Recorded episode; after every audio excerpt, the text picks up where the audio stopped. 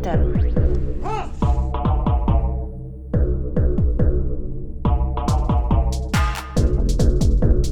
Berätta inte för mig om det svenska klassamhället. Jag har sett det. Jag har växt upp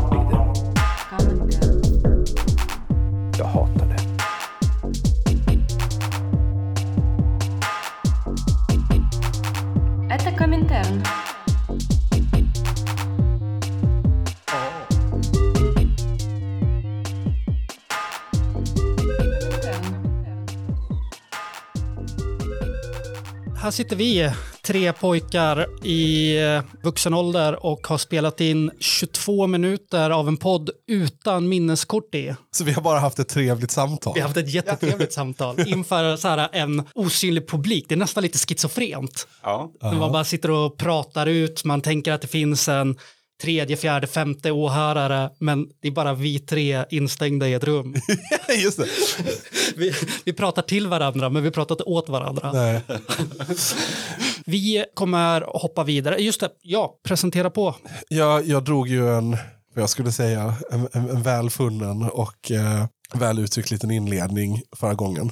Men det är ju helt enkelt så här att det här är den tredje installationen av vårt, eh, vårt samarbete med eh, Marcus från Return of the Repressed-podden.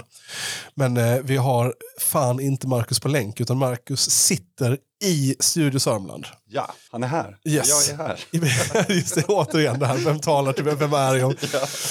Ehm, och det är ju supermysigt och trevligt. Ja. Korsat Antarktis, är det det som ligger i, är det Nordpolen? ja, det är det va? Jag har också lite svårt för det där. Ja, också korsat den kanske ännu större tid, ti- alltså resor mäts ju ändå i tid och inte i avstånd. Resan Stockholm-Göteborg. Ja, Eh. tog nästan lika lång tid som resan Japan-Sverige. O- Otroligt. Ja. Och vi kommer ju då fortsätta på vårt samtal. Eh, Vi, där vi lämnade sist var ju kring, vi prat, han pratade lite om nya templarorden. Eh, Vi nämnde Strindberg som eh, möjlig medlem där, eller som me- medlem faktiskt. Ja, ja. Jag vet inte varför jag sa möjlig. Nej, men det, vi kan... det- Skapa lite intrig Exakt, kanske. exakt. Eh, Lite mystik, så vi se. Eh, Upp till, upp till lyssnarna sen att avgöra. Vi pratade om Lands galna fanzin som han producerar, fantasier om eh, bestiala pygméer som, eh, som kopulerar med arier i, svun, eh, sv- i svunna tider. Och eh, helt enkelt för att försöka då se vad, vilka influenser hade Hitler, vilka, vilket eh, epistemologiska eh, genombrott och så vidare. Ja, Vilket, vilket idéhistoriskt tankegods bär han i sin koffert? ja. ja men exakt. Ja, och så, så näm- vi pratade lite om folken runt omkring Lands. Liksom, eh, vi pratade om Karl Leuger som eh, är Wiens borgmästare vid det här laget. Vi pratade om eh, influensrika industrialister för IG Farben. Det som är ja, med våran stora kemiska och medicinska företag idag. Och deras då ganska specifika intresse då här eftersom att Lantz pratar långt innan NSDAP liksom börjar eh, ens fundera, eh, eh, långt innan det här ens är en, liksom, en girig glimt i himlens öga så, så har Lans en idé på något eh, finemang sätt om att eh, kloster där han växte upp och blev man, de ska användas för att adla och, eller avla fram en ny ras. Liksom. Så ja, vi, vi- får inte höra riktigt vilken roll land ska ha i det här sammanhanget, men det verkar ju som att eh, han eh, lever upp till eh, alla kriterier för att ja, men ha ett professionellt harem liksom, där han bara... Ja. Förutom den lilla genanta detaljen att han själv har judiskt påbrå. Men den ser han naturligtvis till att mörka. Ja, ja, ja, nej, den, eh, det är nog dödsstraff på att nämna det tror jag, sen när de här avelsklostren eh, faktiskt kommer till eh, produktion. Och de gör väl aldrig det i Lands mening, men eh, Himmler och Daré, när de är boys, liksom, när de är ute på de här eh, tillbaka till eh, jorden, eh, liksom eh, rörelsen där, att de har festivaler och de bor i tält och liksom lever som grabbar ska leva, då träffas ju de och talar om de här sakerna, liksom. Där är ju han som kommer på den här idén om Blutenboden liksom. Just jag tänkte nämna det. Himmler är ju lite av ett household name, men vem var Daré i Tredje riket? Ja, så där är ju den här um, Reichminister för agrikultur. Och, och han och Himmler blir ju kompisar innan de går med i NSDAP. Och de är ju liksom, Daré blir ju utmanövrerad sen för att han är ju precis som många av Himmlers kompisar lite för knasig liksom. Han, det funkar liksom inte riktigt när det, när, när det väl kommer till att, eh, ja men du vet, organisera och sköta en statsapparat. Att liksom, eh, ja, alltså i Darés fall så är det ju mycket snack om hans kopplingar till antroposofin till exempel. Vi, vi snackade lite om det tidigare. Um, om, eh, eller vi gjorde i alla fall, eh, inte på podden, men um, bara vi om uh, eh, att många av de här stora antroposofiska liksom, handelsvaruföretagen som finns i Tyskland som säljer naturprodukter och alternativa läkemedel och så vidare. När man kollar lite så upptäcker man ju att många av dem har en grund i små experimentella projekt. Eh, många gånger några av de mest ekonomiskt framgångsrika projekten i, eh, i samband och liksom geografisk direktkoppling till koncentrationslägren. Liksom. Att det, det, det är inte djurtestning i början utan det är kommunistrom och judetestning liksom, som borde stå på de här produkterna som ska vara så jävla hälsosamma. Vilket är, ja, det är en absurd tanke liksom. Men, äh, Det är en absurd, ja. tanke för du nämnde också att man har sett sådana epidemier slå till. Så, så, så finns det en så här särskild, eh, särskilt heta zoner kring de här antroposofsamhällena. ja, exakt, det är liksom det är eksem som inte någon har sett sen Dackefejd. Tillbaka. ja. Eh, Jag tänkte på det, du drog också en, du, du pratade ju om eh, Brian Johnson Just det, just det. eh, eh, som eh, podd, våra poddlyssnare känner till som han som byter blod, eller hur? ja, med sin son. Med va? sin son. Han får blod av sin son, sen ger han sitt blod till sin pappa. Ja, är det så? Ja, det- det är till led där alltså. Det är ett tilled. Ja, jag, tro- jag trodde det inte kunde bli sjukare. Eh, ja. Så de, eh, det finns bilder på dem när alla står och kramar varandra och sånt efter en sån här lyckad blodtransfusion.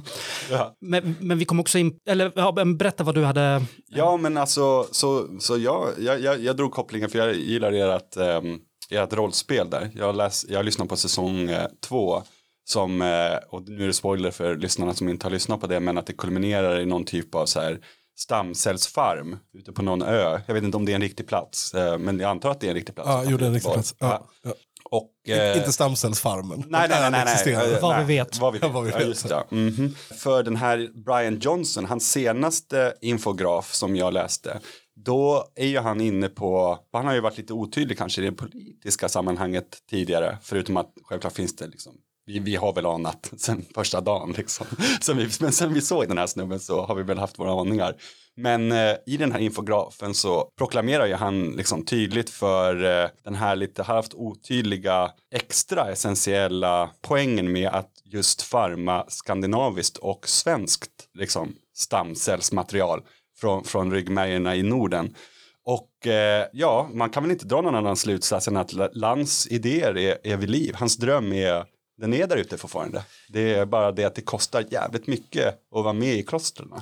precis för det som vi ser hos den här, den här ideologin, den har till och med ett namn, transhumanism heter det väl, så, som, som är etablerad bland vissa delar i den amerikanska, ja, men i det amerikanska miljardär miljardärskiktet. Att eh, Musk skaffar ju inte massa barn för att han älskar att ha en stor familj utan för att han ser det som sin skyldighet att avla på sig själv för att eh, rädda mänskligheten i framtiden. För att han har den här eh, bilden av att världen kommer bli som i den filmen Idiokrasi. Att alla kommer bara bli dumma och eh, korkade och då måste det kunna finnas någon slags form av, ska vi kalla det för härskarras? Eller, Ja, någon Eh. arg och heroisk eh, skikt liksom. ja, Just det.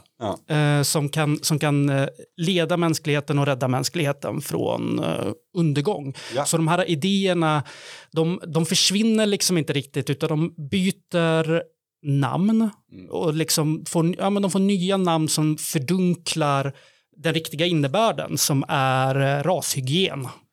Ja. Men, men det är intressant också för nu när, jag, när vi talar om det så slår det mig att det finns några intressanta skillnader också.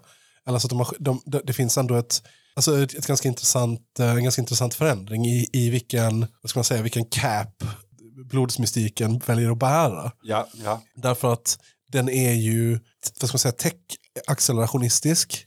Liksom det är hela den här Nick Land-grejen going on. Att eh, det ska bli eh, sån eh, AI götter dämerung och mänskligheten ska förintas till förmån för intelligenta robotar. Det är en del av det. Eh, och sen så, eh, så på det sättet så är den ju liksom inte den är ju inte konservativ på det sättet liksom, utan den är ju den, den är ju framåtsyftande. Och har ju inte, är ju till exempel väldigt ointresserad av båden-delen. Alltså den är väldigt intresserad av blot men väldigt ointresserad av båden. Ja, ja. Nej, Och sen så gör den ju ungefär. inget den gör ju ingen, till skillnad från nationalsocialismen, så gör det ju inget ansträngning att vara en massrörelse eh, överhuvudtaget, eller masspolitik. Nej. Utan den är ju väldigt mycket ett uttalat elitprojekt Ja, och stoltserar med det. Liksom. Ja. Eh, Ser det som en av de viktiga delarna av det. Att det finns en, en grupp så här platonska guldmänniskor som ska liksom styra republiken och sen så ska, liksom, ska det finnas en grupp silvermänniskor under och sen ska det finnas jordvarelser längst ja, ner. ja, ja. jag tror faktiskt, eh, man kan koppla det till i alla fall en rätt stark politisk rörelse bland, den här, bland de här miljardärerna och det är ju effektiv altruism. Som handlar helt enkelt om att man ska montera ner hela, alla de, eh, den sociala infrastrukturen i länder till förmån för att de personer som har flera miljarder ska kunna ge bort pengarna istället. Så att istället för att beskattas på förmögenheter så ska eh, staten finansieras av eh, den här rika överklassen då. Ja. Och där så jobbar ju personer som till exempel Bill Gates med eh, lobbygrupper för att påverka i Washington. Så det, det finns ett politiskt projekt kring det, men det handlar inte just om själva rashygienen, utan det handlar om att kunna säkerställa förmögenheten för att kunna bygga det här eh, nästas, ja men framtida förmögen för att kunna bygga det här samhället. ja. Så eh, Lantz har väl lite kanske, det, det du talade där tidigare, han är väl redan mer och den här, liksom, han är ju mer elitistisk än vad liksom det folkliga i, i, i vad heter det, det tyska arbetarpartiet, liksom, det, det, det populistiska ska vi väl snarare säga. Det har ju inte, alltså han är ju, fetischerar ju liksom framgångsrika män och kända män inom, ja men det spelar ingen roll om de har en fabrik eller om de skriver böcker eller dramatik. Eh, han gillar kända människor och det är liksom en liten utvald grupp. Liksom. Så eh, ser ju han på det här. Och det delar väl han lite med Himmler och, och Daré också. Att eh, det, det folkliga är ju bara där för att eh, kunna ta makten. Liksom, så att man kan liksom, introducera det här Iber alles, liksom, överallt. Och ja, alltså när vi är inne på så här, vad, är, vad är några av de stora skillnaderna? Skulle jag säga är att så här, det de har släppt idag, liksom, Brian Johnson har släppt kanske, Musk och så vidare, deras, men som ändå är, min tes där som jag la fram tidigare är ju att det Lantz lägger ju på något sätt grunden för det med sin Guds elektron och den här fascinationen, det är någonting som ska bli, det ska gå från en okult gnosticism till en teknognosticism. Liksom. Det är ju, och det ser vi ju liksom med så här spiritualismen i början på 1800-talet, ektoplasma, fotografier av spöken. De första ufona ser ju ut som liksom zeppelinare och grejer. Liksom. Det är, finns ju den här gissningsleken om vart är teknologin på väg. Liksom. Och i början är det ju ubåtar och sånt som är ute i ja, men det stora okända. Och sen lite efter lite, ganska snabbt där på 50-talet blir det ju rymdskepp istället. Men han är ju inne på det redan, Lantz, med att det är något väldigt speciellt med elektricitet. Liksom. Och, och marierna liksom har den här äh, kraften att liksom styra evolutionen med hjälp av elektricitet. Och, och så, så så annorlunda är de ju inte heller liksom, för det är samma sak liksom, med de där teknognosterna idag som vill ha ja, men farmer av sin egen sperma och grejer. Ja, Just för eh, eh, Lantz tror att i den här konan-tiden som fanns innan, eh, eh, innan eh, vår kända historia så hade, hade arierna elektricitet. ja, ja, ja. Ja. De har en... Alltså, Det är de, Bagdad-batterier fast i eh, Hyperborea då. Ja, exakt. Och, ja, nej, men exakt. och den elektriciteten som kraft har ju också helt andra liksom, egenskaper än vad vi kanske associerar. Det är inte bara växel och likström för lands. Liksom. Det finns eh, många olika typer av elektricitet. Men, men, men eh, okej, jag köper in mig på det här. Därför att vet du vad som slår mig nu? Nej. Är det inte så att bitcoin är precis de andra krafterna lössläppt i elektricitet? Alltså att man dyrkar de här bitcoin-farmarna som pumpar ut bitcoin som sen kan omsättas i de märkligaste former av, av materiell förändring och makt. Liksom.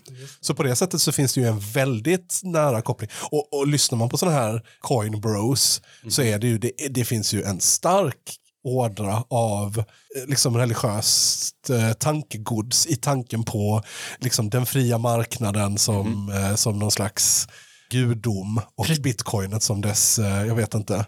Precis, de har, de har ju till och med en sån ikonografi eller vad det nu heter i form av sina NFTs. Ja, just det. Eh, Det är aporna där som var först. Ja, det är aporna där. Precis. Just det, och äga aporna som en guldig elektricitet. Just det. Jaha, ja. Ja, har inte, den, den här, de har kanske inte kommit så långt helt enkelt. Det har inte, det har inte Nej, nej. förändrats så jävla mycket. Nej. Ja, det är fan intressant. Alltså. Jag har aldrig tänkt på, men det är sant.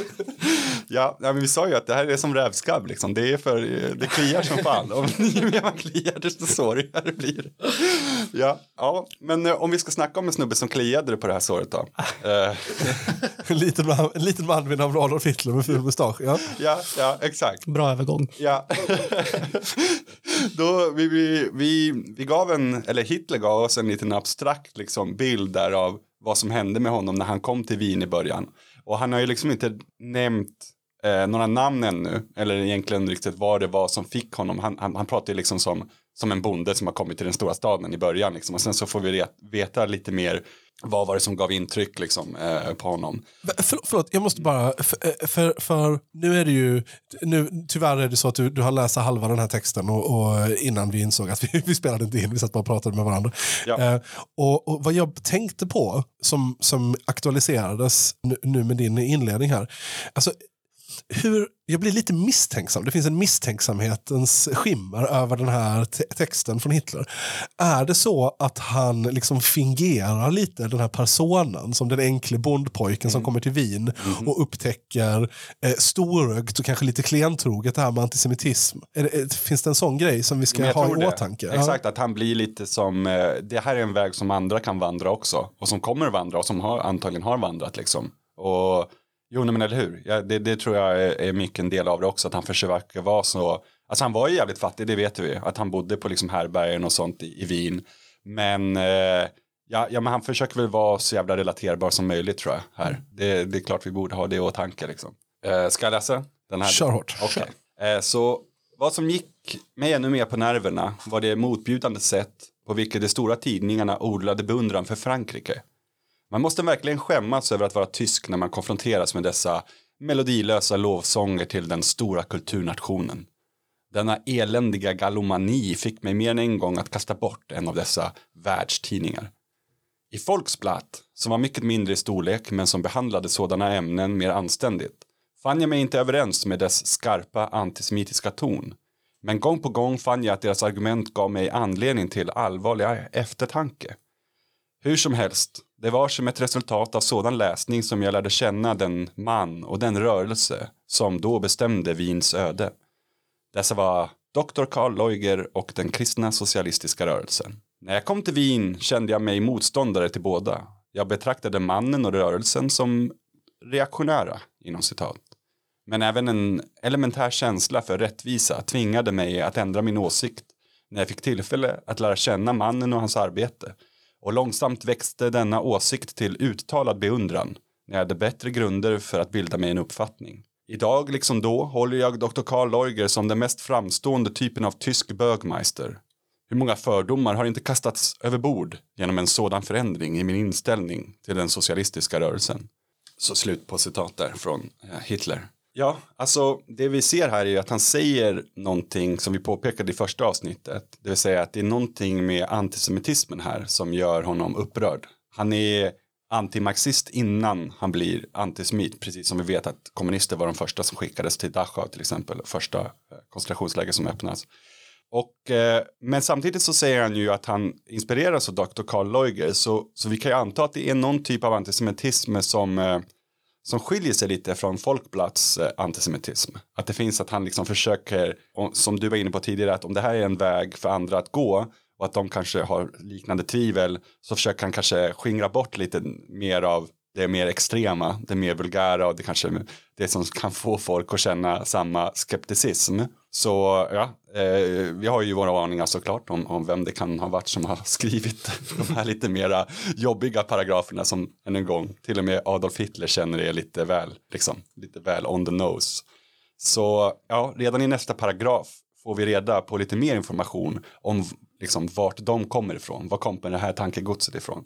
Så, så jag läser vidare här. Mina idéer om antisemitism förändrades också under tidens gång. Men det var en förändring som jag fann svårast.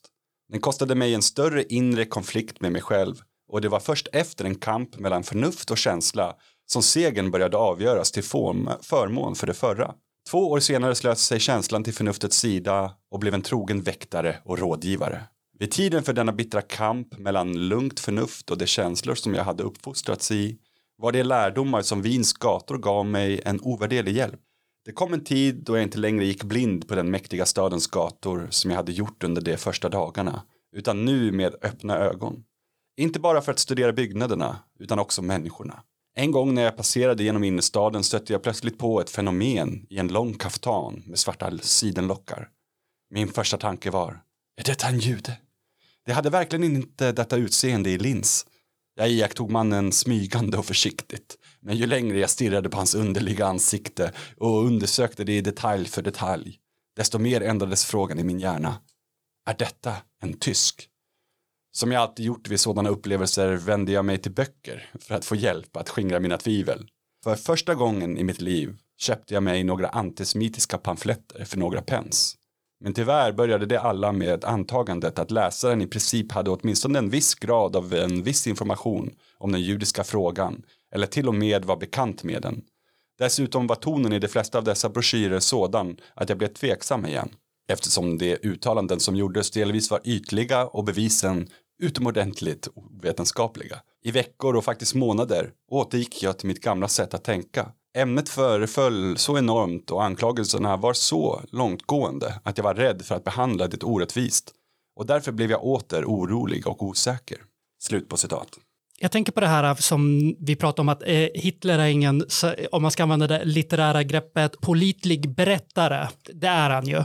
Men är det inte också lite så här Buddha-aktig grej? Att han kommer ut ifrån sitt palats då, fast det här palatset, palatset är ett men, en, en slags mental förnekelse av verkligheten. Men ju mer han går runt och ser världen runt omkring sig, han börjar först då ja, men läsa, men sen när han ser världen så ser han att det är något som inte står rätt till och det är Ja. liksom därigenom som man uppnår den här upplysningen. Ja, Just det, och frågan är om man inte kan dra det lite längre och tänka att för en, för en man som Hitler så är ju liksom första världskrigets skyttegravar, det är ju också liksom en, en renare plats på något sätt. Alltså det är ju en plats där män är män och Ja, ja. eh, saker och ting är tydligt och svart. Och, du vet, så här, och, de rätta energierna. Precis, de rätta energierna. Och, så, men det, och, och, och vad det är att vara människa ställs på sin spets. Och sen så när man liksom Mm. kliver ner i det smutsiga vardagliga samhället så stöter man på Mm. falskheter och, och eh, lömskheter på något sätt. Ja, och han, han pratar liksom då att han ser kanske både det han har slagits för med de här storiga pampiga byggnaderna först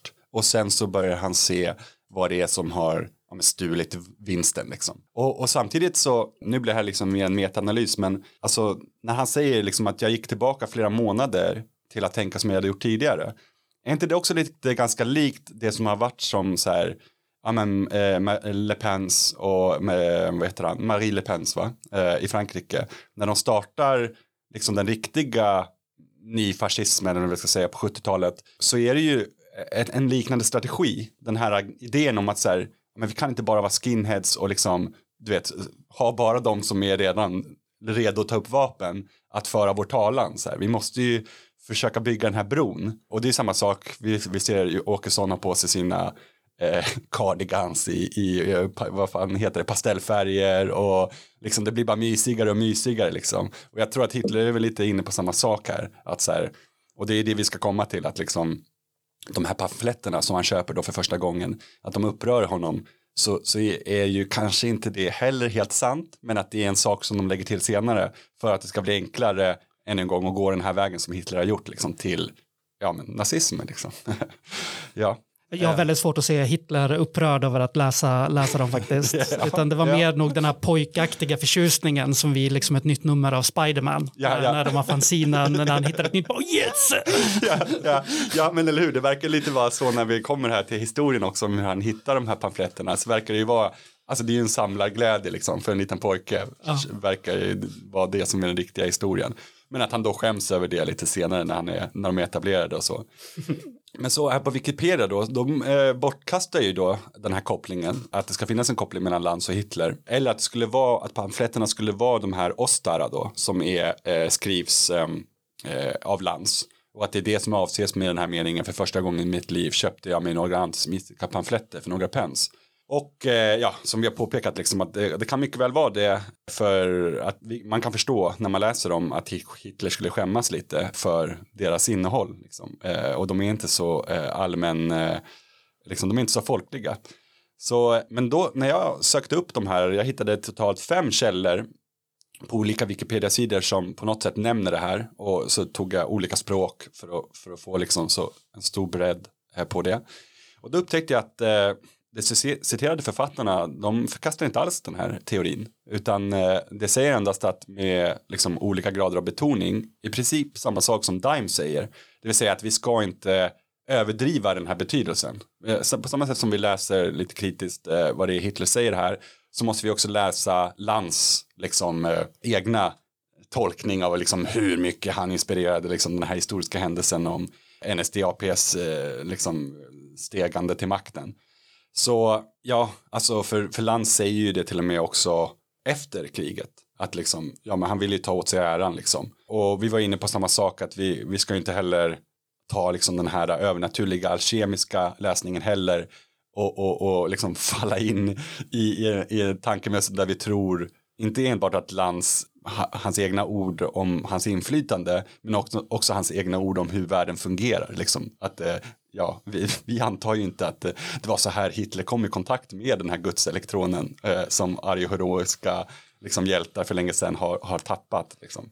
Men eh, så en av författarna som hänvisas som motvisare på Wikipedia är han eh, Nicholas eh, Goodrick Clark och hans eh, The Occult Roots of Nazism som är en av de stora liksom, amerikanska vetarna om det här. Och han säger i princip, och jag kan nämna att Göran Dahl som är kanske vår svenska största expert just nu, eh, jag tror han är nere i Lund va, han eh, har ju också skrivit mycket om eh, svensk, eh, in, jag, har, jag har försökt, han har, han har hintat och lite på sin blogg också om att så här, försöka, försöka ja, men härleda några av eh, de här eh, Annennerbe-tänkarna som sen flyttar till Sverige. För jag vet inte om ni visste ni det att så här, ett av de största departementen i Annenärbe hette ju Sven Hedin-departementet. Inte... Nej, visste inte alls. Nej, det, vilket är också så här, och, ja, alltså, han var ju i Tibet och så vidare och det är dit, vad heter det, med chefer, den första stora eh, Annenärbe-expeditionen är ju dit, liksom, eh, till eh, Tibet. Så ja, nej men så, så de, de var ju väldigt, liksom, bundis. Vill, du säga några ord om eh, Annenärbe? Alltså Annenärbe var då sen eh, det som liksom, eh, om ni tycker att Lantz verkar konstig, liksom den här typen av alternativ historieläsning blir ju ett riktigt eh, utbildande institut, en statsapparat liksom, i, eh, under Hitler, under SS. Och de åker iväg på olika expeditioner och när man gräver lite i dem så upptäcker man ju också att många av de här expeditionerna, precis som vi kan anta idag eh, med den här alternativ historieläsningen liksom från ja, med Ancient Aliens på History Channel, det är ju en gammal eh, Hearst-kanal eh, tillsammans med Disney och mycket när den började på 90-talet det var ju liksom Hitler hela tiden varje dag på den där jävla kanalen och många av de där jävla filmerna är ju från Hertz egna arkiv som han har liksom fått av eh, ja, men, eh, NSDAP-intelligentian eh, liksom. för, för de fick ju skriva i hans tidningar krönikor. Jag tror Daré skrev en krönika till och med i någon av hans tidningar, Himmler också, Goebbels också. Så det finns ju någon, eh, någon annan, det finns ju liksom ett, det finns eh, inte bara ett intresse men det finns ju en strategi i att skriva om historien på det här sättet. De, de bryr sig ju liksom inte, vi var inne på det förra gången också. Om vi säger att det är så här, så vad ska du göra åt saken liksom, med din historiematerialism? Just, det- den här eh, liksom den- den, fascistiska glädjen i eh, Ja. Might is right. Ja. Om jag säger att det finns en gudselektron på Konan-tiden Ja. som har bestämt allting, då är det så. Och om du säger emot, då sätter dig i koncentrationsläger. liksom. ja, vad ska du göra? Eh, så, ja men exakt, så, så jag förstår inte den här, eh, eller ja, nej men tvärtom, vi, vi förstår ju att eh, den här fascinationen finns där. Och eh, ja, Annenerbe blir ju då det stora projektet för att skriva om historien på det här sättet. Och eh, många av de här expeditionerna är också ja, med olika typer av liksom, eh, intelligensspaning. Liksom. Det är spionuppdrag många gånger. Det första till och med när några av Himmlers liksom mest galna gubbar har blivit avskedade efter att Hitler håller ett tal i Nürnberg där han i princip dissar hela den här tanken om att, eh, ja men om att eh, Ja, han, han, han gillar ju liksom inte att Himmler på något sätt skjuter sig själv i foten. Han, han gräver ja, men där de står och de hittar inte den här gudselektronen. De hittar ju bara massa jävla krukskärvor från en ganska underlägsen ras eller vad man ska säga. Som verkar ha bott här i tusentals år.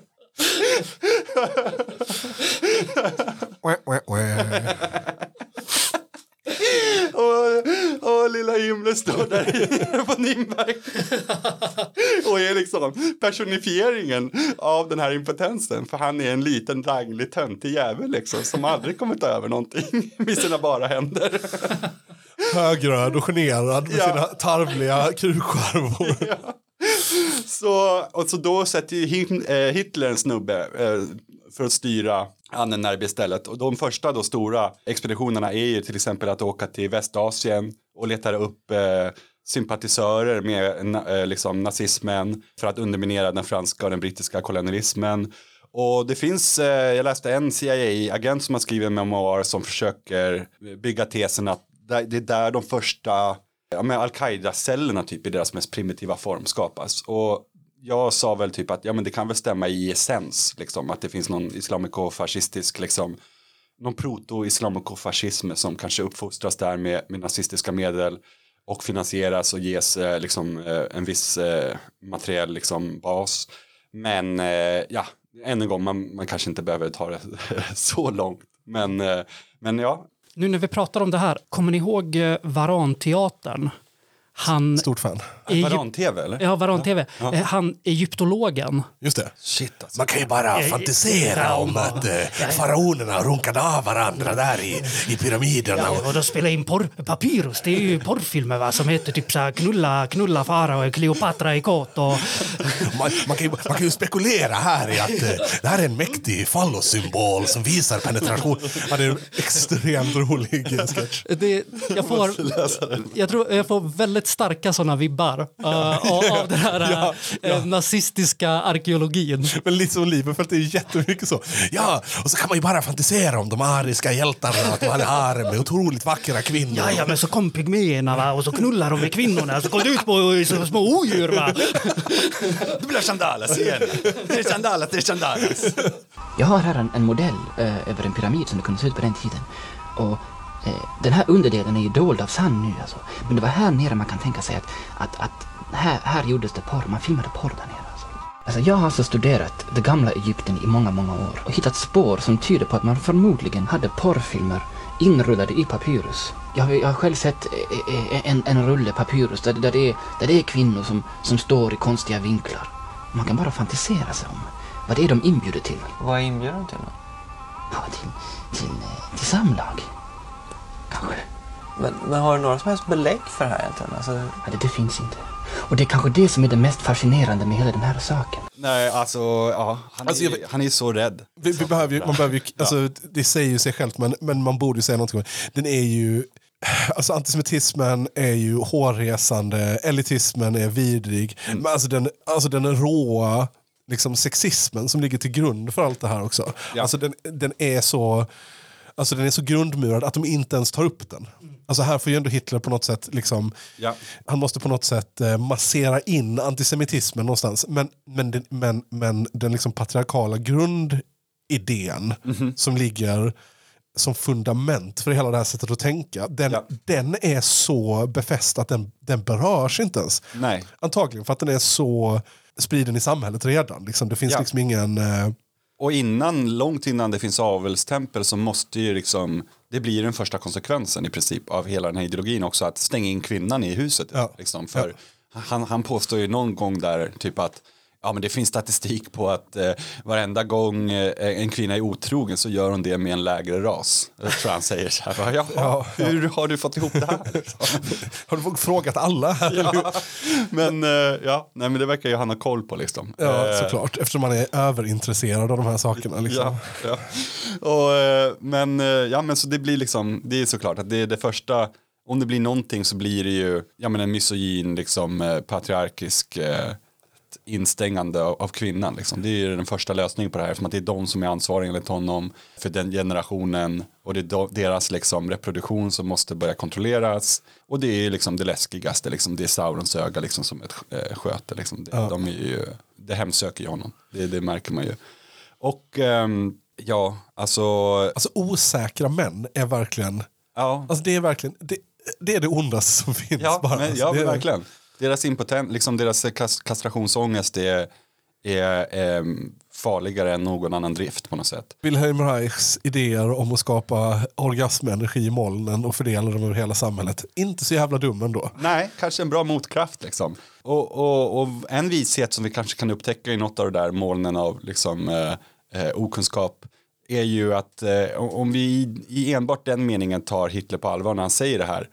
Fan vad bra det hade varit om de inte eh, masserade in och gjorde det här i pastellfärger så att, så att de kommer in i partier och så vidare. Då hade det bara varit Lantz och hans boys liksom i något jävla ruinkomplex. Eh, och så kan ju de, vi kan stänga dörren och så kan de bara vara där. Kan de få sitta där Ja. och fantisera om, om gamla manuskript och, och vad som kan hända. ja, ja.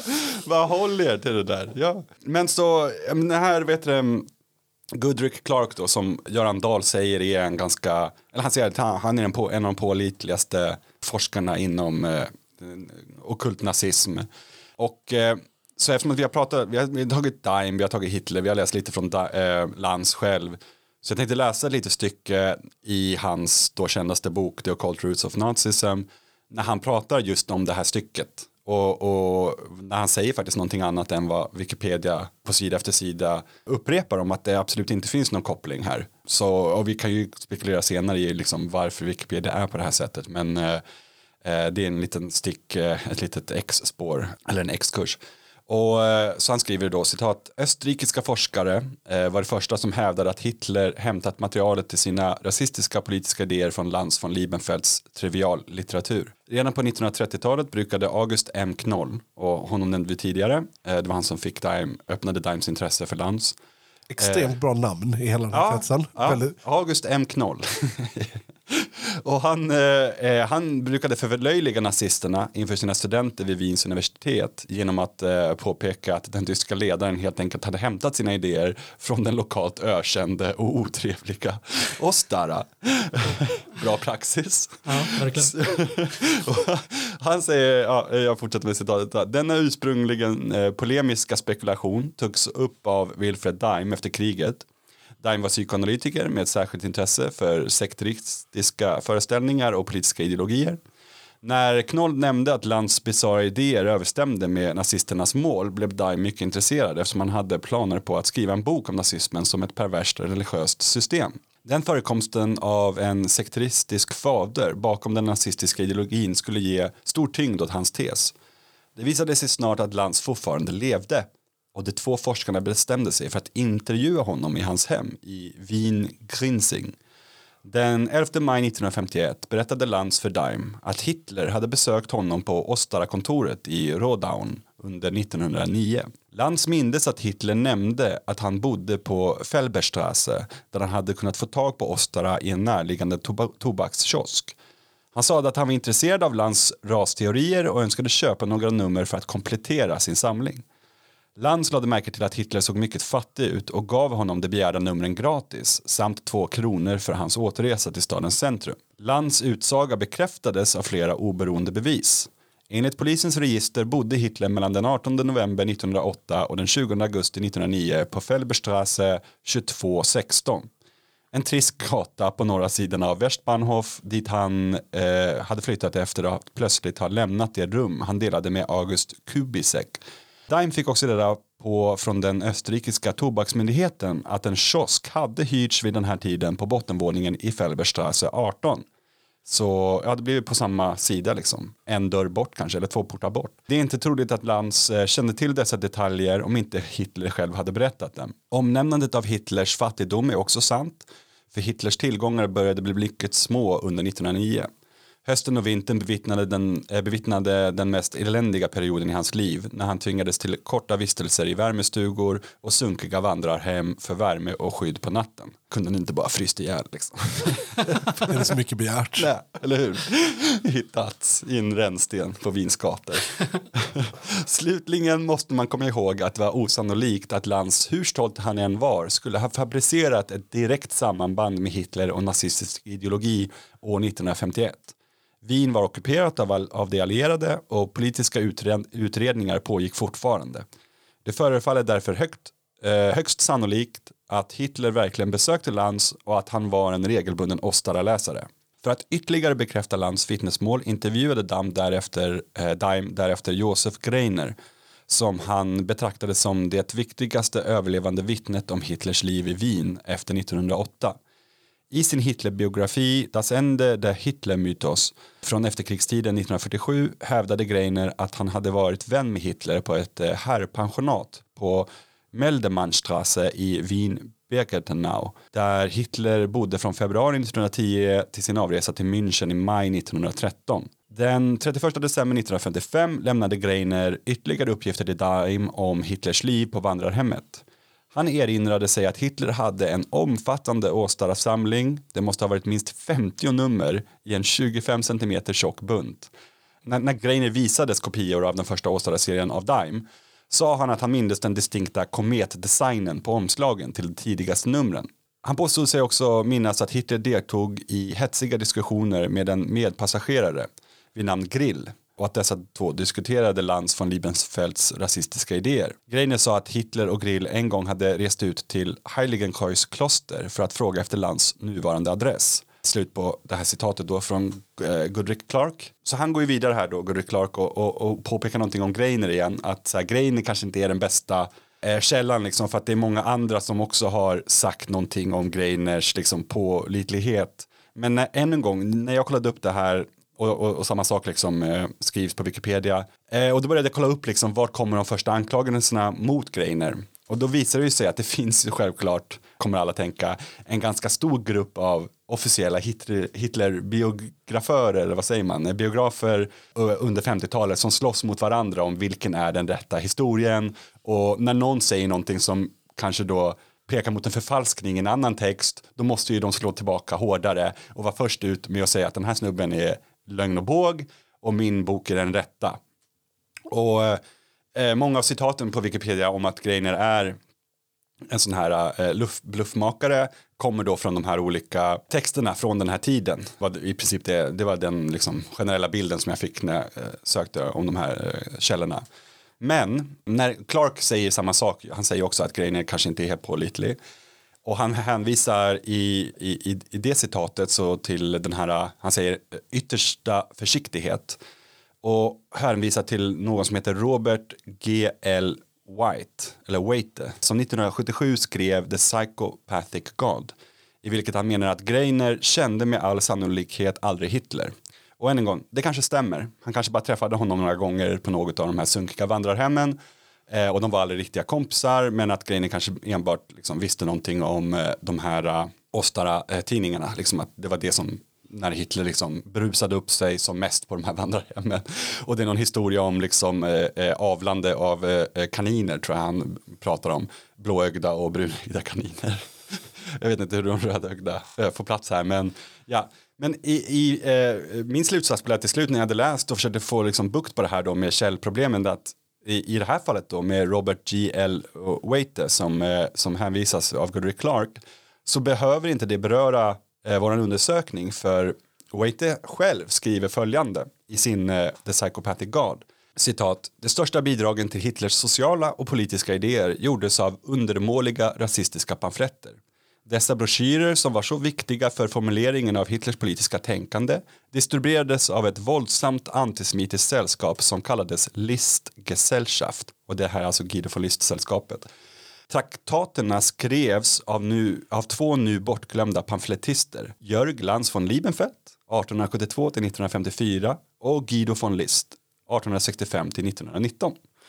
Så Precis, och själva den personliga kopplingen mellan Lanz och Hitler är liksom inte nödvändig för att etablera eh, att det finns ett påverkansförhållande. För man måste ju inte träffa någon för att bli påverkad av den. Jag har ju inte träffat Marx. nej, Men nej men eller hur? det, det, det finns ju fortfarande en, en relation liksom. Eh, Så ja, det låter väl högst rimligt. Ja, Men också rimligt om man bara tänker på vad Hitler sa och gjorde. Alltså, mm. Vår viktigaste fråga blir väl då så här, om vi ska gå vidare med det här, att så till och med då kritikerna och Greiner menar ju att så här, han, han slutar det här citatet med att Hitlers politiska idéer utvecklades senare och förstärktes i rasistiska kretsar i München efter kriget 1919-1923 men det uppstod i Wien under inflytandet av Lanz och List. Och liksom, ja, det här är en person som inte, han har ju inte skrivit någonting om det okulta. Liksom. Han är ju en psykohistoriker den här snubben. Han är ju mest intresserad av Hitlers inre värld då, som vi kritiserade tidigare också. Men eh, ja, kritikerna av Greiner verkar hålla med om att Lantz är influentiell i alla fall. Så vi behöver ju liksom, ja, inte Greiner egentligen. Men vi måste ju fråga oss, så varför vill Hitler dölja det här? Varför är inte det här med i skolböckerna i gymnasiet liksom, eh, på SO-linjen? Så om vi återvänder till Dime så har han också en intressant teori om detta, vilket kan hjälpa oss att ta ett steg närmare en annan dunkel ridå. Och det är då frågan om, eh, ja, något som jag inte kan ta upp på min engelskspråkiga podcast och det är ju då August Strindbergs enskilda lilla rum. Och färg är då egentligen ganska oväsentligt. Liksom. ja, men eh, så Dime skriver att eh, om man sätter sig in i Hitlers situation skulle det ha varit mycket oklokt av honom att eh, innan han massivt hade befäst sin makt offentligt förklara att man ville likvidera judar eller att man ville förinta katolicismen eftersom detta skulle ha framkallat massivt motstånd från hela etniska grupper. Nu var Hitler en alltför god propagandist för att kunna framföra sina åsikter så öppet. Till skillnad från en sedan länge etablerad religiös system vars doktriner och principer är välformulerade och dogmatiserade och öppna för alla berörda parter finns det för en man som Hitler och en rörelse som nationalsocialismen utan tvivel hemliga mål och doktriner som är tydligare och mer entydiga än det som är öppet avslöjade. Denna iakttagelse har ingenting att göra med mysticism eller ett onödigt beroende av bakgrunder eller initiation. Och det är ju liksom vad de här Arktos, eh, svenska förlaget, de eh, med Ebola till exempel, de är ju så inne på den här eh, samuraj, liksom initiation, liksom en, en, en student och hans mästare liksom. Ja. Och eh, det är enkelt eh, resultatet av eh, nykter reflektion och hänsynstagande till politisk visdom. Det behöver inte någon särskild eh, förfining. Det är lätt att visa att så är fallet. Sålunda får vi av eh, Rauschning veta att Daré hade tagit på sig det praktiska genomförandet av nationalsocialistiska rasprinciper. Ja, han blir ju liksom rasminister eh, av något slag. Ja, han har ju så många titlar som Himmler ger honom. Så här, de, är så, de är så lustiga, du vet. De ger ju varandra böcker. Så här, Himmler ger, tror jag, någon bok som Daré har läst som han slår in typ i getskinn och ger till Hitler på hans jul. julafton. Och Hitler liksom öppnar inte ens den där boken och Himmler är så ledsen att det... Han tänkte, men det var ju en så bra bok, men ja, det här, jag skiter i dina jävla teorier. ja, men eh, ja, så, så den här, eh, så den, den här citatet från Rausching, eller den här händelsen då, då berättar då Daria så här att eh, han vill avla fram den rena nordiska typen ur, den bästa tyska, ur det bästa tyska blodet genom förskjut, förskjutningskorsning. Precis som vi har avlat eh, fram våra gamla hannoveranska häst, eh, några få som har förblivit rena, slut på citat eh, inom citatet. Lite senare hör vi också att eh, citat, då talar Daré klarspråk, den slaviska fruktbarheten måste brytas. Daré ville med andra ord skapa en ny adel av blod och jord. Och slutligen finner vi för oss i detta sammanhang den mest betydelsefulla passagen. Citat, mina partikamrater, förklarade Hitler, det vi diskuterar här måste förbli konfidentiellt. Jag kan föreställa mig att en del av våra partikamrater skulle missförstå detta, men Daré har rätt. Slut på citat. Så Daré säger, eller Dime säger ju i princip här att så här, ja, vad är det de kan tänkas missförstå? Ja, jo men det är ju Lands jävla avelskloster liksom. För det är en helt spritt språngande galen idé. Det, det, det, är så, det tar så lång tid till och med om man är nazist innan man bara köper det konceptet. Så ja. Jag tycker, Eh, men men, men det, det är intressant det vi är inne på nu och det tycker jag man kan bredda till hela, alltså det, det tycker jag är ett drag i hela den politiska högen. Alltså i det här att man har den här auktoritära eh, liksom grundidén om, om eller liksom människosynen så, så faller det sig så naturligt att man bygger sitt politiska projekt på cirklar inom cirklar inom cirklar med mer och mer privilegierad kunskap. Och det säger ju också någonting om skillnaden Alltså utifrån ett rent så eh, liksom materialistiskt plan. Om ens politiska projekt går ut på att en liten grupp ska få makt. Då är det ju ett effektivare sätt att handla i lönndom och vara eh, väldigt försiktig med vilken, vilken information man delar ut och hur man ger människor ordrar. Och så här. Det, det blir relevant att göra det. Det blir viktiga politiska grepp. Medan för oss inom vänstern som, som vill göra motsatsen, som vill plana ut så mycket som möjligt, som har en grundläggande egalitär idé, eh, så blir det kontraproduktivt. Och jag tycker det är intressant hur, om man tittar på, ni vet den här klassiska gamla, eller gamla, jag vet inte, men Alltså du vet, det finns ju den här grundförlagen, en, gammal klassiker, med, med liksom klassamhällets pyramid. Alltså vi, vi, eh, högst upp är det liksom eh, eh, finanstopparna som sitter och... Ja. We rule you, we fool you, Precis, we, shoot at we you. shoot you. Precis Ja, den här. ja. Och sen så, men sen så finns det liksom en, en svensk serietecknare som har gjort en liksom högerns sån pyramid, hur de tänker sig att samhället är. Och då är det längst ner så är det vanligt skattebetalande folk Ja. som är så här, trycks ner. Och sen så ovanför dem så är det eh, batikhäxor och... och Antifa. Nej, nej, de kommer lite högre. För, det, för över dem så är det, är det lattepappor och, och, och genuspedagoger. eh, och, och, sen så, och sen så ovanför dem så är det, så är det journalister.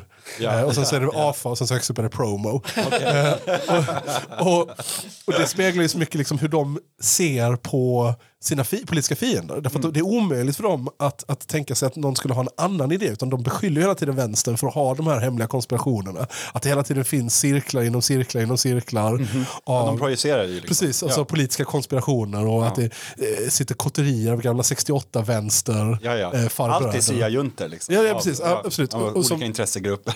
Exakt, som, som liksom sitter och, och, och styr och ställer. Och, eller, och, eller, eller Konspirerar. Ja, och, och, och jag tänker kanske den allra tydligaste, man ser- märker det från polisen också, när de ska dra folk inför rätta så är de hela tiden så intresserade av att hitta ledarna för olika celler och de vill alltid ha anförarna i olika upplopp. Hittar de tyska terroristerna. Hittar de tyska terroristerna som egentligen styr och de är besatta av den här grejen. Eller, eller Italien på 70-talet med Negri som Cattivo Maestro och du vet så här, den, ja. den skuggledaren, Puppet Master. Liksom. Jag tycker att det finns en till eh, intressant slutsats man kan dra av det här. För att eh, det finns ju en insikt, och vi var inne på det lite med Hitler som eh, oärlig berättare.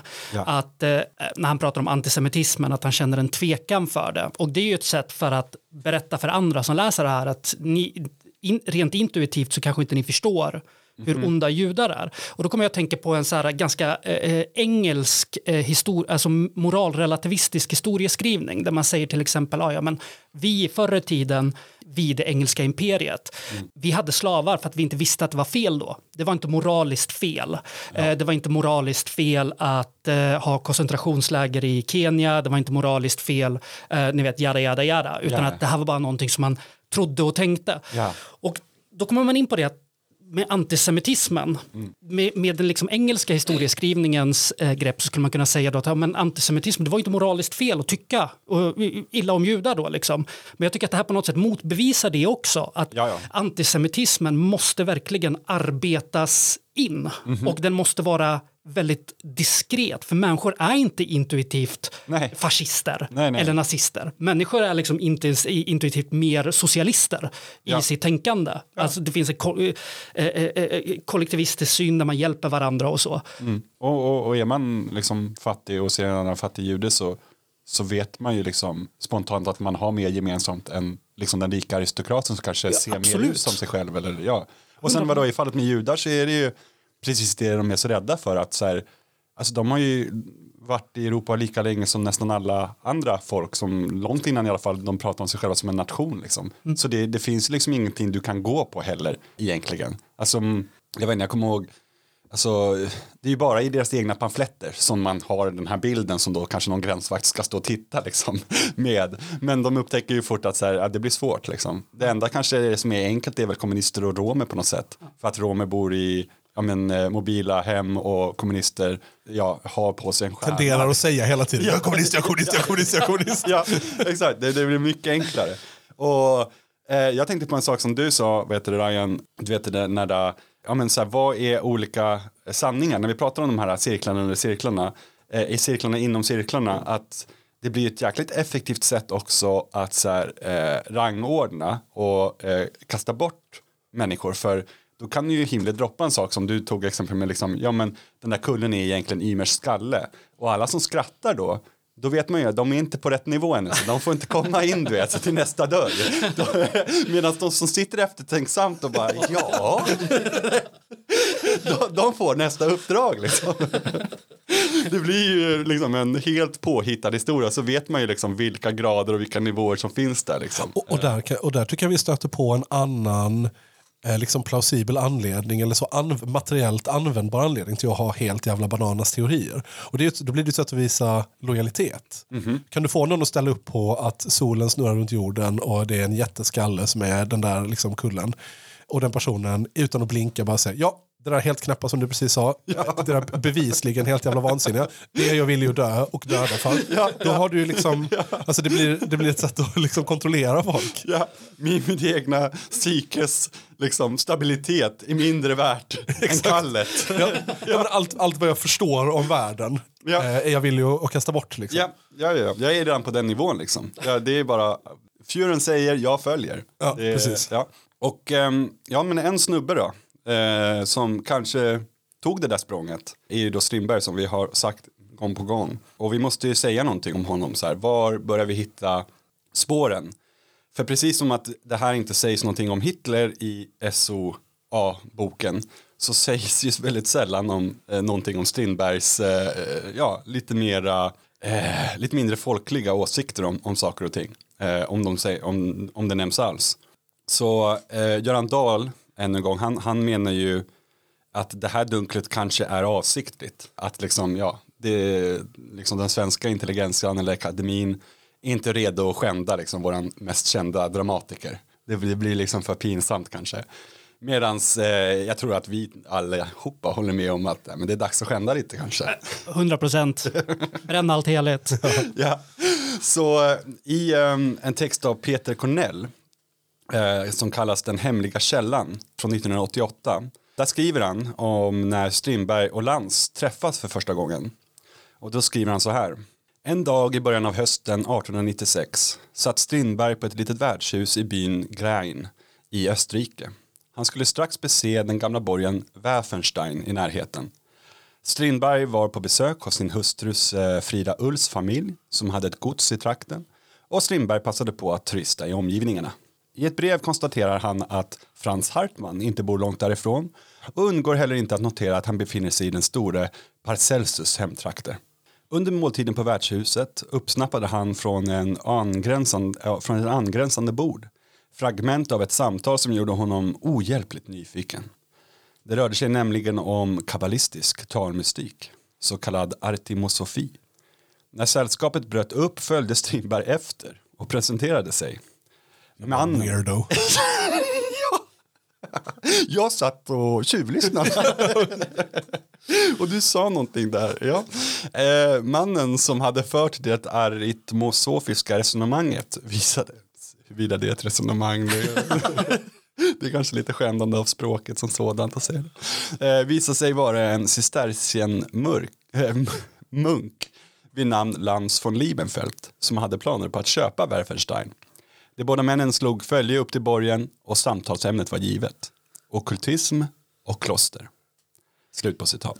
Alltså Dime menar ju, eh, vi har lite fler grejer, men eh, Dime menar ju att det är ganska möjligt, väldigt möjligt, att eh, Strindberg också, Strindberg också blev medlem i den nya tempelorden vid Werfenstein. Eh, för det, det här klostret som de är på väg till, som, som eh, Strindberg skriver om, det är ju det slottet som blir liksom eh, det första avling, avelsklostret. Liksom. Eller, ja, de avlar väl vad vi vet. Vi, har inget vi vet ju egentligen inte mycket alls om vad de gjorde där. Vi vet att de eh, reser den första svastikaflaggan som har den där moderna eh, liksom, grafiken. Och, eh, och, men vi vet också att lans gillar att överdriva och att han liksom älskar att säga att han har massa kända kompisar och så vidare. Men eh, vi vet också att August Strindberg brevväxlade med Liebenfeld från ungefär år 1900 fram till sin död 1912. Det är en lång tid. Det är mycket brev som kan skrivas på 12 år. Så eh, vi vet också att han prenumererade på Ostara Så här kommer ett litet brev efter att August för första gången läste om Chandalas i Lands Magnum Opus. Och det är den här teosologin och eh, gudselektronen och, och eh, Sadomos äfflingar. Liksom. Så citat. Det här är alltså August Strindberg till Lands von Liebenfeld 1906 den 10 juli. Hur talar de på den här tiden? Jag ska försöka läsa det som Då pratade man så här. I alla fall på tv. I ett enda svep läste jag din bok och jag är förvånad. Om det inte är ljuset självt så är det ändå en ljuskälla. Inte sedan Rembrandt som pedagog har jag hört en sådan profetröst. Hälsningar! Daterat 10 juli 1906. Det här är så genant för, för Strindberg. Ja. Fantaster. Får jag, komma, får jag komma med lite kontext där? Ja. Det som, det som eh, Strindberg förmodat sitter och läser då om teosologi är, om jag får ta ett engelskt utdrag ur The Occult eh, Roots of Nazism. The first section sought to understand the origin nature of the pygmies. Four chapters entitled Gaia, Earth, Pegge, Water, Pyr, Fire, and Air, Air, describe the satanic realm by relating the story of the first pygmy, called Adam, uh, Adam who spawned a race of beastmen, Anthroposaur. Lanz employed a cryptic scheme of translation whereby the earth, uh, whereby the words earth, stone, wood, bread, gold, water, fire, and air all connoted uh, beastmen, while uh, the verbs to name, to see, to know, and to cover meant copulate with, and so on, in order to create a monomanical view of the ancient world. Så man läser alltså Bibeln och så, det så man kan ju bara spekulera att, att träffa någon egentligen betyder att ha, ha sex och så kan man, ju, kan man ju se tydligt här att Adam var en pygmé med en jätte med mycket stort kön som, som hade, hade populerade då tillsammans med olika ormar och olika djur i, i, i paradiset och, och, och det leder ju naturligtvis och så vidare och så vidare. Det är bara det han har gjort. Han är exakt sån freak bara. Och Strindberg tuggar i sig det här med stor förtjusning. Emma, hämta punschen! Nu är de igång här! Österrikarna! De är något på spåret. Aldrig har jag sett en sån ljuskälla. Det här är ljuset! Han sparar ju inte på orden. Nej, det gör han inte. Det gör han inte. Åh, Jesus. Men kul att de hade det trevligt i alla fall. Ja, det, ibland så säger vi så här att vi lever i den mörkaste, den mörkaste tidsåldern och sådär. Men uff, sekelskiftet var inte kul. Alltså, det var, Nej, nej. De verkar alla ha på med såna här grejer. Heidenstam, det finns ju den där bilden när de är ute och typ springer i skogen helt nakna. Och jag menar ska offra något till Freja eller någonting. Och vad heter de andra, de där sym- naturalisterna, symbolisterna. Känns ju som att det fanns inga normala författare. nej, nej. Bara... Men kulturarbetare är suspekta. Så det, det, man ska vara försiktig med det här. Man kan nästan förstå så varför vi har en så stor liksom, så här, ja, med statarna och liksom, arbetarlitteraturen i Sverige. Att, så här, ja, varför den liksom, dels var så framgångsrik och kanske för att många så här, anser att den är så välgjord. Men det är väl kanske också så här, en fråga om kontrast. Liksom. Att, så här, här är första normala som har skrivit. Det här handlar om någonting som har med mig att göra. Ja, det, är, det är en vardag utan chandalas och massa jävla kopulering mellan pygméer. Och man måste läsa Bibeln upp och ner. Ja, exakt. ja, ja, nej. Ja, men så om det skulle vara så att eh, lyssnarna tänker, ja men det där kanske bara var någonting Strindberg skrev så här, eh, någon enstaka gång. Och även om inte det vore liksom eh, jobbigt nog så har vi också ett, en, eh, en text två eh, år senare, ett brev, där han skriver till sin tyska översättare, Emil Kärring, Kärring kanske, inte Kärring. Vi säger kärring. Ja, Emil Kärring. Den 25 augusti 1908. Känner du till Lans Liebenfeld? Teosologin, Sadomos apors religion. En fruktansvärd bok mot nyhedningarna. Och ja. Han försöker liksom make it happen. Alltså man försöker trendsätta den här. Men också nyhedningarna, var det liksom en levande... Ja, men jag tror det. Liksom- Jag, jag tror att det är, du vet, men precis det vi har varit inne på med de här cirklarna inom cirklarna gör ju också att så här, det uppstår markerings, liksom demarkeringslinjer som ingen normal människa förstår vad det handlar om. Men som de tycker att det är det viktigaste. Liksom. Det är Oden eller är det Wotan eller är det Irmin. Och det är så här, vem bryr sig? Vem bryr sig? Men eh, de bryr sig ju så mycket. Och då är det väl det här att... ehm, Det är som, det är som, som Potter-fandom som bråkar om vilket sånt, om det är Gryffindor eller Slytherin som är coolast. Liksom. Det, Ja. Alltså jag skulle inte förvånas att han faktiskt pratar om kanske Heidenstam och några av de andra symbolist, eh, naturalisterna där vid sekelskiftet, de som liksom var lite så här, ja men spring nakna och, och krama en gran liksom. Medan Strindberg tycker tydligen att eh, vi behöver en liten nazistisk touch på det här. Det räcker liksom inte, vi är tillbaka till den tyska skogen liksom och vad ska göras med den? Vi är någonstans i det tyska miljöpartiet ännu en gång. Alla, vägar, alla idéhistoriska vägar leder till... eh, Falanger inom det tyska miljöpartiet. Får jag ge kontext där? För att det var på vår, eh, när vi spelade in de första 22 minuterna eh, utan minneskort så pratade vi lite om att vi hade lyssnat på ett gäng tyska kamrater häromdagen som pratade om en undersökning som hade gjort i Tyskland om vilka som är beredda att gå i krig för att försvara sitt land. Och det var bara 5% av befolkningen som kände liksom, ja men vi är beredda att göra det här. I hela Tyskland. Alltså. Ja, i hela Tyskland. Eh, Och eh, sen var det en lite större procentandel som sa ja, men om vi är tvungna. Men de allra flesta sa nej. Och utav de här fem procenten så var majoriteten personer som röstade på eller hade samröre på något sätt med eh, det gröna partiet, alltså tyska miljöpartiet. Det är en koppling man inte drar så ofta. Nej, nej. det- Men som känns väldigt självklar i ja, Tyskland. ja, Ja, ja. ja.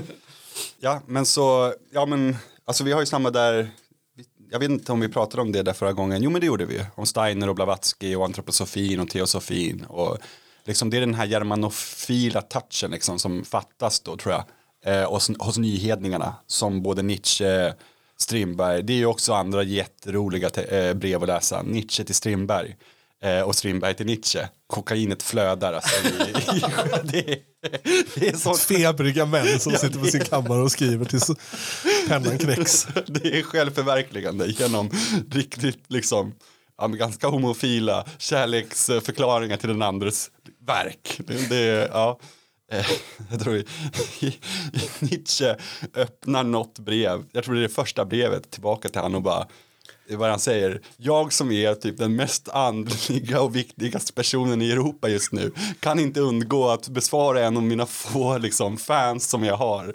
Och man bara, ja alltså håll käften. det är så jävla keff alltså. Ja.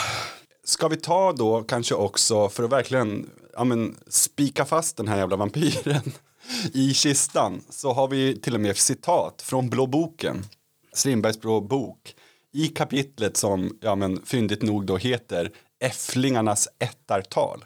Och eh, Äfflingarna, för de som inte minns, det är ju en liten del i undertiteln till teosologin, liksom, att det är Sadomos äfflingar liksom, och eh, stor sannolikhet att Strindberg får det från Lans då.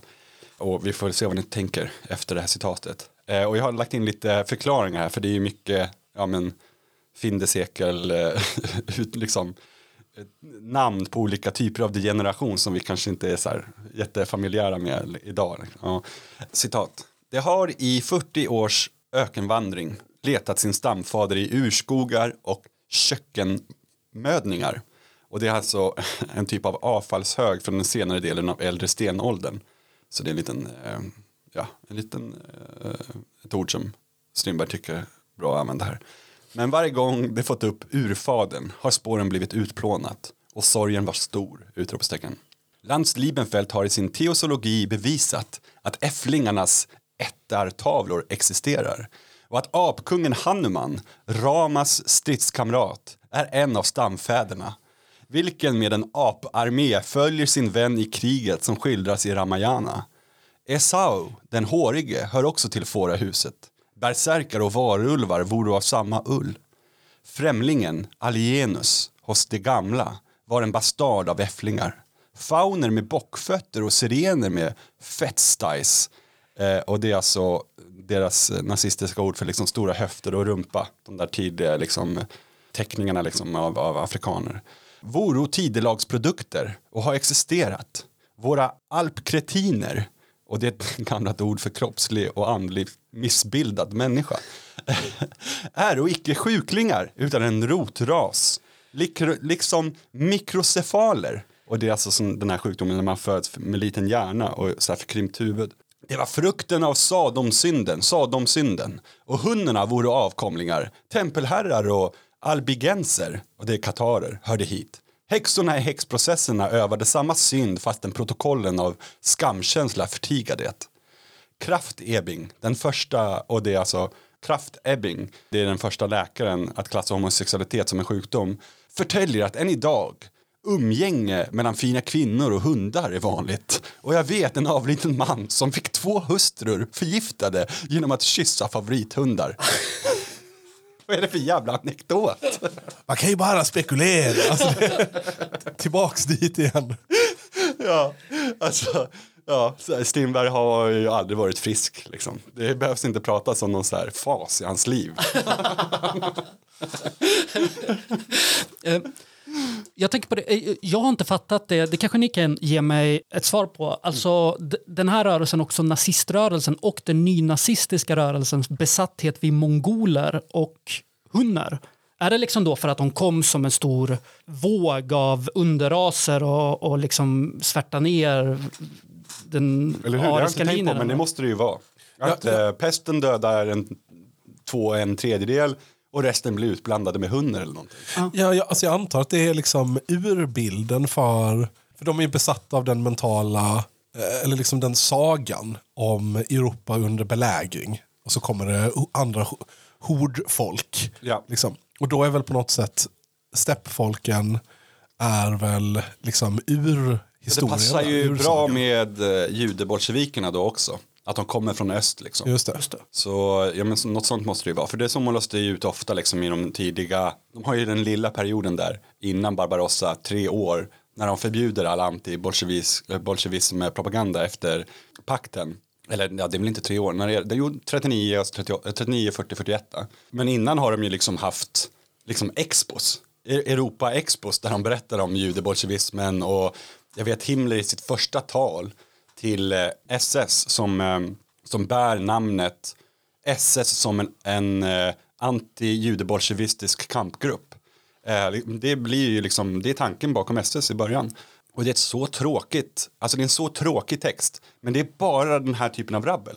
Alltså hela jäkla texten. Alltså om jag hade varit SS-soldat så hade jag till och med tänkt att så här, men inte för att jag inte tror på det här men så här, det är så tråkigt skrivet. Det är så här, det du vet, han hoppar fram och tillbaka och det är så här, det är zoroastriaist, zoroastriaisterna, eller vad heter de, ja, den där gamla iranska religionen, de var judebolsjeviker. Just det. Och det var så här, eller de, de blev förstörda av judebolsjevikerna. Och det var, eh, alltså det spelar ingen roll, han hoppar omkring och han går in på hundarna och han börjar, och nu ska jag, och ibland så varnar han för det. Men ibland har han inte för det. Så bara, och nu ska jag flytta fram oss lite i tiden. Så bara, det spelar ingen roll att du säger det. Så här. Det, det, det finns inget sammanhang här. Liksom. Du har ju sagt att goterna var här för 60 000 år sedan. Liksom. Det är bara, bara ja, jag kan ju inte säga 575 år. Det hade ju låtit som jag hade ljugit. Liksom. Eller Det är så här, ja, bara, ja. Men, men jag tror att det det är väl också en sån eh, grej att de texterna, de har inte...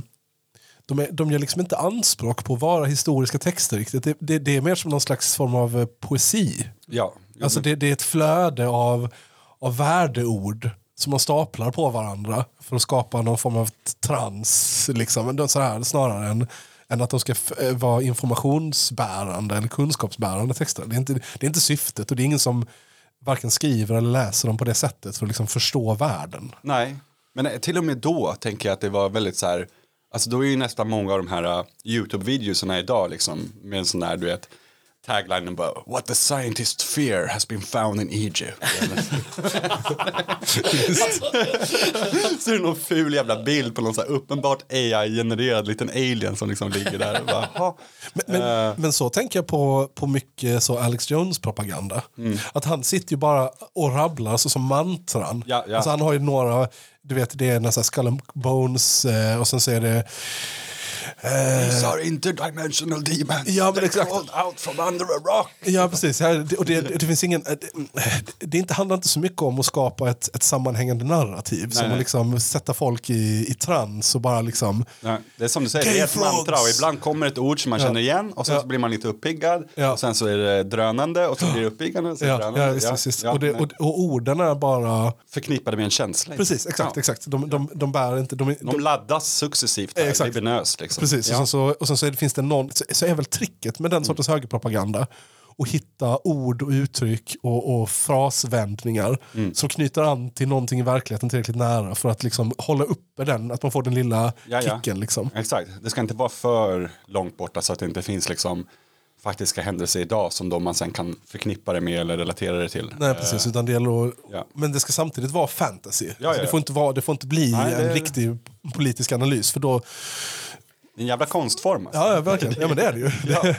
Warhammer Lore är vad det är. Ja, och ja, precis. Och det är kanske därför jag, jag tycker att vi, liksom, eller så här, vänstern ondgör sig med jämna mellanrum över va- varför, varför, funkar, varför funkar YouTube så himla bra som ett eh, radikaliseringsverktyg för extremhögern. Och det är klart att, det är klart att den är, som alla liksom, storföretag så är det viktat åt högern. Och, eh, men, men, men en del av det som jag inte tror man ska underskatta är att deras propaganda den vill någonting väldigt annorlunda. Ja. Den är inte intresserad av att förklara världen och ge en verktyg för att förändra den. Nej, nej men det är sant. Den har andra, den vill någonting annat, den gör någonting annat. Och det lämpar sig väldigt, väldigt bra för att ha en arg farbror som sitter och drönar i två timmar i en video. Liksom. Ja, nej men nu får jag så här, du vet tanken på du vet när man gick i så här eh, högstadiet och så här man skulle vara liksom lite rapp i käften och liksom om någon börjar stå där du vet så ska förklara någonting så det är det alltid någon liksom hockeykille som är där och bara ja men skriv en bok.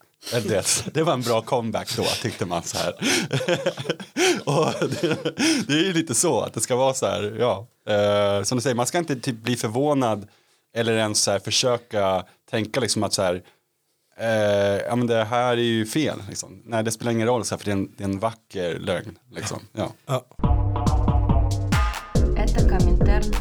Vi befinner oss i en exalterad eh, Strindberg. Ja, I hans huvud. I hans huvud. Ja. Och han har en idé om att kyssa sina favorithundar. Till och med det får inte tjejerna göra tydligen.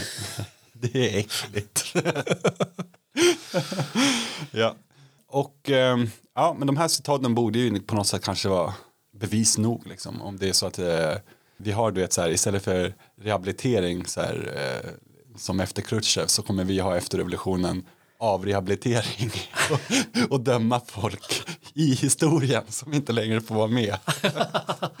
och då är nog Strindberg, han är högt upp faktiskt på min lista. Ja. Eh, så vi bör på något sätt hitta de, vi måste ju hitta liksom eh, den fysiska kopian av, av det jag ska läsa för er nu. Det vill säga att eh, det kan mycket väl vara så att Lantz inte alls överdriver. När han säger i pamfletten Legendarium att Strindberg var familjär av eh, NTO. Vilket betyder extraordinär medlem. Och fick därmed rätten att skriva FNT, familjär Novi Templi, efter sitt namn. Han fick också sitt namn som medlem av orden, även om han behöll sitt förnamn. Därmed blev han Fra August familjär av Werfenstein, tempelriddare. Förutom den nämnda passagen då från Legendarium så kallar Lantz honom vid detta namn flera andra gånger. Två gånger i Visionarium och två gånger i Imaginarium. Med tanke på allt detta är det inte helt oberättigat då när Lantz i samband med Strindbergs död 1912 skriver följande i en dödsruna. Citat. Ännu en gång har en av våra egna måste ta vägen till skuggriket. Efter en lång och svår sjukdom avled August Strindberg den 14 maj klockan 5.30. Slut på ett citat. Ja, det får man väl ta på orden. Liksom, att det Ja. var väl, han var väl insyltad i det där då. Ja. Såklart ingen diskussion. Jag tycker också att det säger, det säger någonting om någonting. Att eh, vår största eh, kulturexport genom tiderna är en sinnessjuk eh, proto-nazist. Pratade vi om det i förra avsnittet förresten, det finska flygvapnet? Nej, men eh, de var väl nu på SVT såg jag bara i förrgår. Då stod någon snubbe med ett järnkors där och de nämnde ingenting om det i tvn vilket jag tyckte var underligt. Ja, för att, eh, där så finns det ju den, de fick, vad hette den svenska nazisten, Rosen, svensk nazist som gav Finland deras första flygplan under eh, finska inbördeskriget. På de här flygplanen som Finland får så finns det ju hakkors. Ja. Och eh, finska flygvapnet avskaffade det, just hakkorsen 2020. Så för tre år sedan slutade finska flygvapnet använda sig av hakkors. Och precis som i mycket av finsk historieskrivning så eh, förekommer det väldigt eh, komplicerade förklaringar till varför saker är som de är. Och då menade man ju, till exempel, man kunde peka på att första flygvapnet, alltså flygplanen som kom då, kom två år, tre år innan Tyskland började använda sig av hakkorset som officiell symbol. Alltså är det nazisterna eh, Ja. började använda sig av det. Därför så har hakkorset inget med nazismen att göra. Men när man går då tillbaka och kollar till exempel på hur den här hakkorsflaggan var hissad över det här slottet, men också vilka de här jävla människorna som är inbegripna i den här rörelsen tycker, tänker, Ja. så finns det ju en, jag skulle inte säga att det direkt är eh, förmildrande omständigheter Nej, att, nej. eh, Ty, att Finland föregick Tyskland med att använda sig av eh, hakkorset som, som symbol. Har varit i pipelinen ett tag. Ja, den har varit pipeline ett tag. Alla de personer som tyckte att det här var en viktig symbol i Europa, i Mm. Nordeuropa, var också de personer som ändå liksom skulle Ja. antingen gå med i nazistpartiet eller på olika platser i Europa stödja nazistpartiet och liksom vara med och Ja. bygga upp deras tankegods och rörelse och så. Och det finns ju ingen så här gradvis grej att liksom bara, nej men jag hoppade av när det började bli lite konstigt, utan det är ju pang, tjoff från början. Blåögda och blonda i hela världen förena er. Vi ska avla. Vi ska yngla av oss i ett jävla tempel. Ja, det är kul också att de har den här idén om Conan-tiden men också är Conan bad guys. Ja. Alltså att det är verkligen... Eh, Kurgans, eller jag vet inte, men det är väl ryssarna. Men det är, Nej men jag menar att de är så här eh, onda magus som, har, som dyrkar ormar i tempel och begår det. olika sexriter. Ja. Ja, hur geda mig? Eh, Erik von Rosen. Erik von Rosen, okej. Erik ja. von Rosen, just det, just det. Vad heter det? Läskig han ser så jävla läskig ut. Har inte han eh, den där eh, riktiga så här, man ser ju direkt vad, vad den här snubben sympatiserar. Det gör man verkligen. ja. Ja, jo. De där planen var väl säkert inblandade i eh, eh, vad heter det, revolution, vad heter det? Finska revolutionen, Eh, inbördeskriget. I, i finska inbördeskriget, absolut det var de. Och mördade säkert mycket kamrater eh, Ja. där och då. Ja.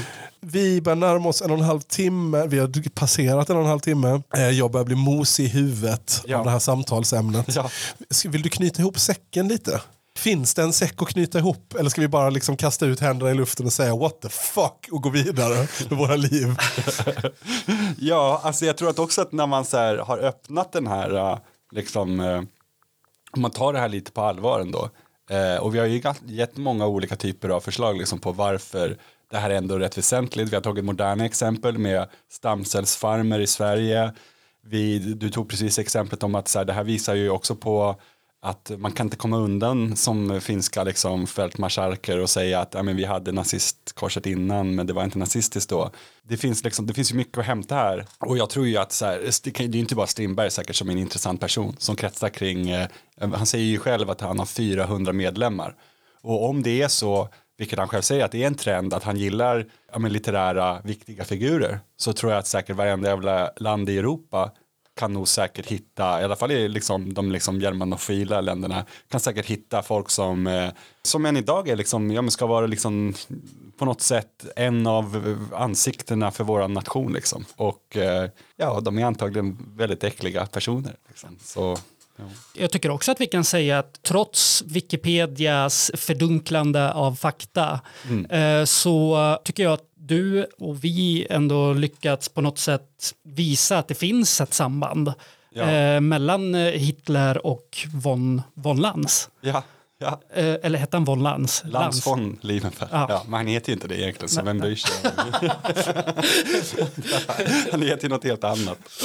Ja, ja nej, men eller hur? Och det var ju liksom inte så där jättesvårt heller. Alltså vi har ju kanske, det vore ju lite, eh, man måste ju nästa steg, alltså om man vill nörda ner sig i det här ännu mer. Och det kan väl vara en liten shoutout till lyssnare om det är någon som hatar Strindberg ännu mer än vad vi gör. Gå, nu har du ju lite sökord liksom. Gå och kolla, jag vet inte hur mycket av hans arkiv är digitaliserat, av hans brev och så vidare. Men jag läste ju, jag hittade ju de där Nietzsche-breven ganska enkelt. Så ja, men jag tror man kan hitta mycket mer än vad de engelska efterforskarna har eh, tagit reda på. Och eh, ja, jag vet inte riktigt vilken, liksom, vilken riktning ska man ta det här i. Alltså det, det nästa, det logiska steget är ju att fortsätta där, ja men än en gång, där ert um, ehm, rollspel kulminerade och det här med Brian Johnson för att det ska bli någonting som är väldigt så här samtida. Den här fascinationen om den här teknognostiska transhumanismen. Min tes är väl det jag håller på nu är att försöka ja, men få fram att så här, den här uh, Ancient Aliens som är på History Channel som en gång kallades Hitler Channel liksom på 90-talet och som är, alltså den har ju ballat ur fullständigt men den finns ju i princip i varenda land i hela världen. Jag tror 80% av alla hushåll i USA har den. Och, och där helt obe, liksom, utan kritik så, så pratar de ju om de här sakerna.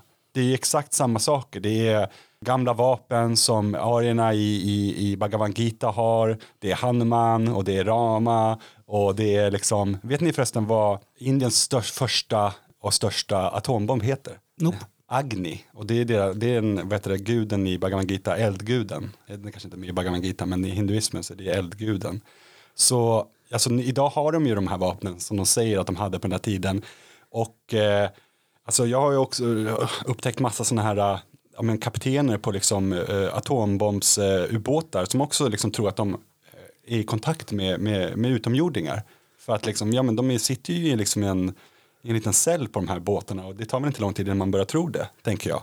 Och jag vet inte, den här, det är en speciell typ av galenskap och det är intressant liksom att för det är många där ute självklart som tycker att det är intressant. Jag tycker det är intressant med de där, heter det, många av de här alternativa historieläsningarna om Egypten och så vidare. Men ja, min tes var ju där tidigare att här, vi ska inte låta dem få ta över det fullständigt. Liksom. Det ska inte alltid sluta med att, men nog var det så att blonda och blåögda byggde de här sakerna egentligen. Utan det, det finns självklart en borgerlig historieläsning som vi måste kritisera. Det finns eh, en, liksom, en, en väldigt, eh, en akademi om liksom, Eh, eh, klassamhällets liksom, uppståndelse som är baserad på en, en historieläsning som kommer från några få utvalda universitet, Oxford, Cambridge och så vidare som återanvänds på alla liksom, de västerländska universiteten. Och den är idealistisk fast på ett annat sätt. Liksom. Den, den har ju en annan tes. Och det ska inte bara vara liksom, nazisterna som får liksom, ta den möjligheten att kritisera det och sen kunna visa på riktiga fel och sen fylla in de felen med, med, med det här. Liksom. Det, vi måste också göra någonting eh, för att få folk att känna liksom, ja, men, en, kanske en historisk subjektivitet och liksom, eh, känna att eh, det finns en historisk nödvändighet liksom, bort från det här samhället mot ja, kommunismen snarare än ett jävla avlingstempel. Liksom. Ja, och det finns liksom ingen motsättning mellan stringent historiematerialism och eh, att kunna ha fantasi och eh, eh liksom kärlek till människans eh, liksom, eh, förmåga och kapacitet. De, de två sakerna, liksom, eh, båda de sakerna kan finnas i en, i en förklaring om mänsklighetens historia. Först vill jag säga tack så jättemycket för de här fantastiskt roliga och eh, intressanta eh, samtalen. Det har varit skitkul verkligen. Ja, tack. Eh, jag har fått grotta ner mig själv lite grann, Ja. men sen sitta och absorbera det här. Jag vet inte, jag gillar, jag gillar att tänka på trots min ideologi liksom, i fantasin så gillar jag att tänka på eh, historiska utvecklingen som psykotiska utbrott. Ja. Och eh, det är väldigt, eh, det här eh, matar det väldigt mycket. Ja. Jag tycker det, det är, som du sa, det matar min fantasi väldigt mycket. Jag tycker det är väldigt kul. Eh, finns det någonting du skulle vilja plugga och så? Nej, men det gjorde jag lite i första avsnittet tror jag. Då kör vi igen. Ja, nej men då får jag väl eh, gärna om ni vill, om ni tyckte det här var intressant så, så, så pratar jag lite om liknande saker i några av eh, mina egna avsnitt på Return of the Repressed. Jag har varit på en del andra eh, shower som jag lägger upp på min Patreon-feed som man kan se även om man inte är medlem. Eh, och man kan bli gratis medlem också. Så det får ni gärna göra och det vore jätteroligt. Jag har inte så mycket, jag tror Sverige kommer på femte plats eller någonting så det är mest från andra ställen. Så det vore roligare med svenska lyssnare så kan man ju ja, men, ha lite så här internskämt liksom som vi kan lära upp de amerikanerna och britterna med liksom. Det är de jag kritiserar mest. Liksom. Med, med rätta. ja. ja, och så får jag väl eh, lova att bjuda in er också någon gång. Så får ni, de se fram emot att ni kommer ja, hem till mig digitalt. Och så kan vi se vad vi kommer på då. Just det. Ja. Låter skitkul. Jag är på. Ja. Då vill vi tacka alla våra lyssnare eh, för att, ja, men för att ni är med oss och eh, också påminna om det som mm, Andreas eh, nämnde i julavsnittet. Att eh, gå in, nu när ni lyssnar på det här, så tydligen så kan själva, heter det ranking? Nej, att man betygsätter podden påverka algoritmen. Och vi har i nuläget bara en stjärna Va? gjord av en person i någon av de här poddapparna. Så eh, gå jättegärna in, ge oss en femma. Ja, det är det enda ni ska göra, ge oss en femma. Följ på Skriv en, kanske en kommentar på iTunes har jag hört ska vara bra också. Just det, skriv en iTunes. kommentar, eh, släng in en sån och sen så eh, följ på Instagram och allt vad det är. Ja, etc, etc. Allt gott, ha det fint. Hej! Rötterna blir starka när det blåser Luften blir friskare när åskan går det blåser på Genesarets sjö. Och likaså på Galjareivlö Dina kyssar smakar smultron och mjölk. Drömmen ska brinna om ett annat liv. Låt ditt hjärta slå ett extra slag. Låt oss hoppas att det snart blir dag. Mina minnen är som körsbär i och det rinner som en flod i min inre värld. Låt mig gråta, låt mig vara i fred. Och bränna mina böcker som ved.